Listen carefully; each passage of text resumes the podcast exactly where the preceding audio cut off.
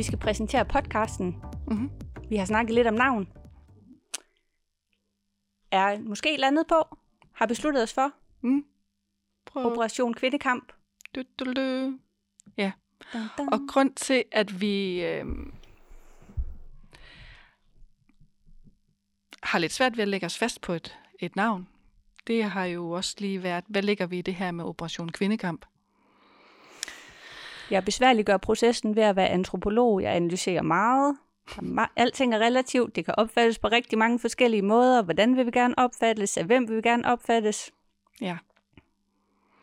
Men øh, jeg har haft et lille problem med kvindekamp, fordi jeg synes, at vi står, nu tager jeg dine ord, for det har du sagt på et tidspunkt, vi står på skuldrene af nogle andre kvinder, der har kæmpet nogle kampe, og jeg synes måske, at den kamp, vi tager igennem vores podcast, øh, falmer. Det håber jeg ikke, den gør, men, men jeg synes bare, at der er nogle andre, der har taget nogle rigtig store kampe. Øh, så det er i hvert fald en, en stor byrde, vi tager med os, føler jeg lidt. Men, men derfor, øh, ja, så det, det har været min tanke omkring det her. Jeg ved, du lige tænkte noget andet. Tænker du, at vi minimerer deres kamp ved at kalde det her for en kamp? Nej, jeg tror, jeg måske nærmere, jeg tænker, at, at vi sætter nogle høje forventninger til os selv Uh. og til vores lyttere ved at kalde det for en kvindekamp. Jeg tænker, at det skader ikke at være ambitiøse. Nej, og vi er ambitiøse. Det har du ret i, Signe. Mm-hmm. Operation Kvindekamp. Det er navnet. Operation Kvindekamp, et aktivistisk projekt.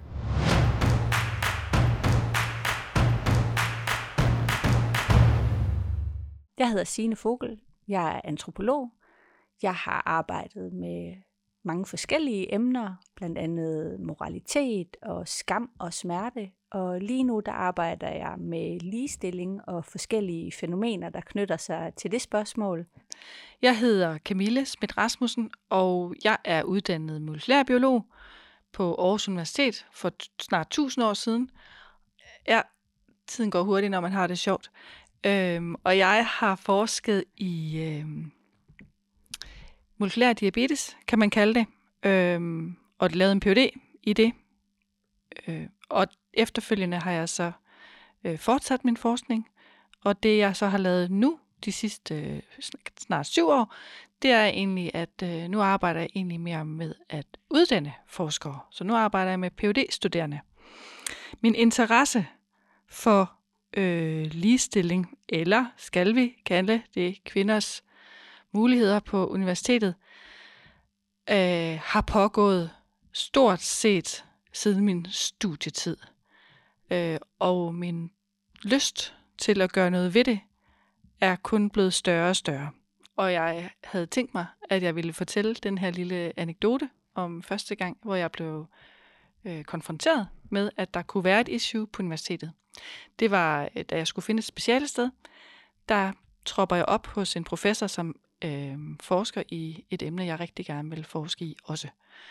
Og øh, han fortæller om, hvor ambitiøse de er, og jeg er også ambitiøs, så jeg synes jo faktisk, det passer rigtig godt sammen, det her. Og så siger jeg til ham bare lige egentlig for at forventningsafstemme, at jeg er enlig mor, og derfor er det vigtigt for mig at komme ind et sted, hvor at øh, der er en respekt for, at jeg selvfølgelig, eller en forståelse for, at det er mig, der henter og bringer om morgenen, og det er også mig, der er hjemme, når mit barn er syg.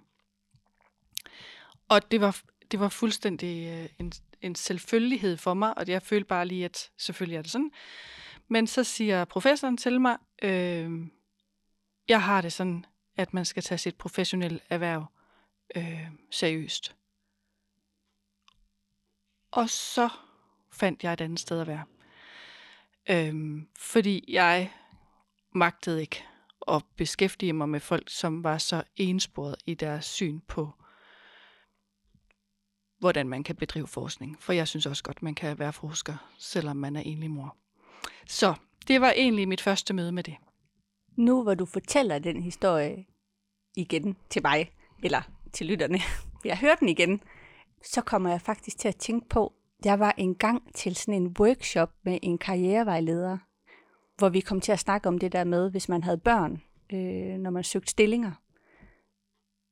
Og det kan være udfordrende, lidt afhængig af den ansættende enhed, øh, hvor jeg så siger til hende, det problem, hvis man kan kalde det det, øh, har jeg jo ikke, fordi at jeg ikke har børn, og nok ikke får børn, hvor efter hun så rent faktisk siger til mig, det må du aldrig nogensinde sige til for eksempel en jobsamtale.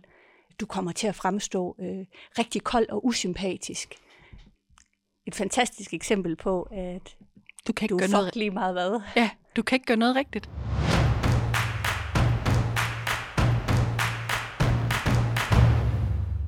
Vi insisterer på at blive ved med at snakke om det. Og hvorfor gør vi det, Signe? Det gør vi, fordi det viser sig jo, at vi har stadig ikke ligestilling øh, på universitetet.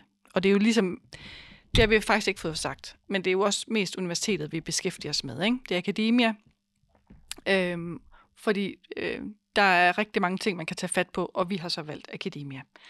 Og vi har været inde og finde nogle tal, som ligesom øh, gerne skulle underbygge, hvorfor det er, vi synes, vi skal blive ved med at bruge tid på at snakke om det her.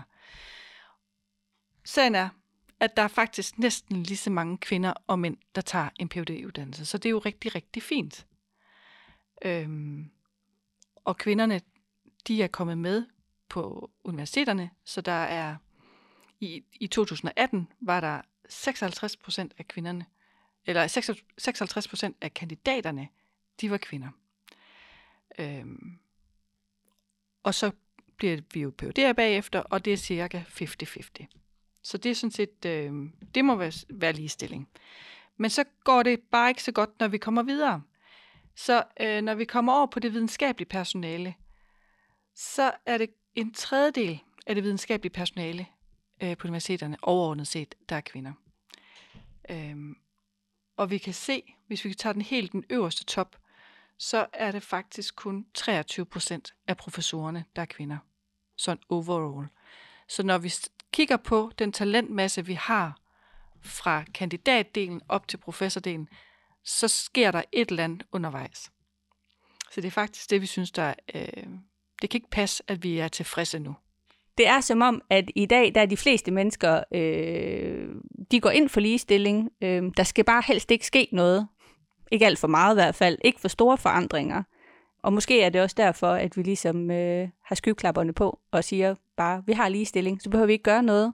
En konsekvens af det er jo så, at når vi egentlig fremstiller danske kvinder som ligestillede og frigjorte, så kan vi kun se de nu kan man ikke se gåseøjne i en podcast, de fravalg, som de tager øh, som aktive og frivillige. Det vil sige, at når kvindelige forskere vælger ikke at gøre karriere inden for universitetsverdenen, så er det jo et frivilligt valg. Det kan jo umuligt være nogle strukturelle problemer, der forhindrer hende i at gøre karriere i forskningsverdenen.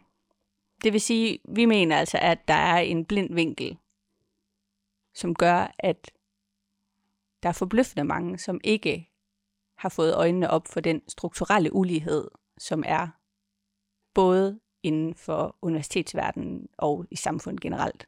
Så denne podcast er til dig, der hvad? Enten, enten har brug for ekstra argumenter i din egen lille kønskamp eller oh. kvindekamp. Argumenter for kvinder. Ja, argumenter for kvinder. Yes, i din egen lille kvindekamp, eller dig, som har brug for at udfordre din viden om øh, ligestilling.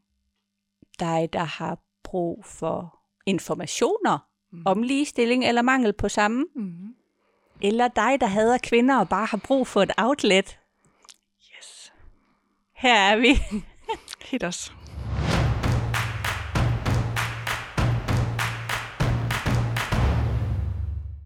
Vi har jo forskellige interesseområder. Eller det har vi sådan set ikke, fordi vi er, vi er mega interesserede i det hele begge to. Men vores tilgang til det her er præget af vores uddannelsesmæssige baggrund. Og hvor jeg jo nok er hende, der øh, godt kan lide tal øhm, og lidt statistik og sådan noget, der, øh, Så har jeg en forkærlighed for ord og et godt citat. En lille observation. Og lidt let litteratur. Exactly. Vi har jo så givet håndslag på, at vi hver især finder nogen inden for vores øh, interesseområde. Og jeg vil i hvert fald gerne prøve at finde en, som kunne hjælpe os med at belyse det med bevillinger. Er der en forskel på, hvordan mænd og kvinder de opnår de her bevillinger her? Og så vil jeg også rigtig gerne høre noget om bibliometri, fordi øh, det kunne godt være, at der var en lille forskel i, hvordan øh, mænd og kvinder publicerer, eller bliver citeret, eller noget andet. Det vil jeg rigtig gerne høre noget om. Min tilgang til emnevalg er nok lidt mere fænomenbaseret som antropolog, så sådan lidt mere øh, abstrakte emner, kan man måske sige. Øh, jeg tit interesserer mig for og beskæftiger mig med. Så jeg har valgt, at jeg synes, der skal være en podcast, der handler om aktivisme øh, inden for en ramme, der handler om kønsforskning, postfeminisme. Er det det, som præger det danske samfund?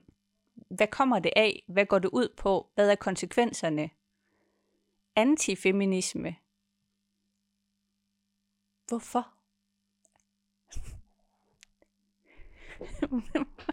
Hvad er argumenterne for, at vi er imod ligestilling?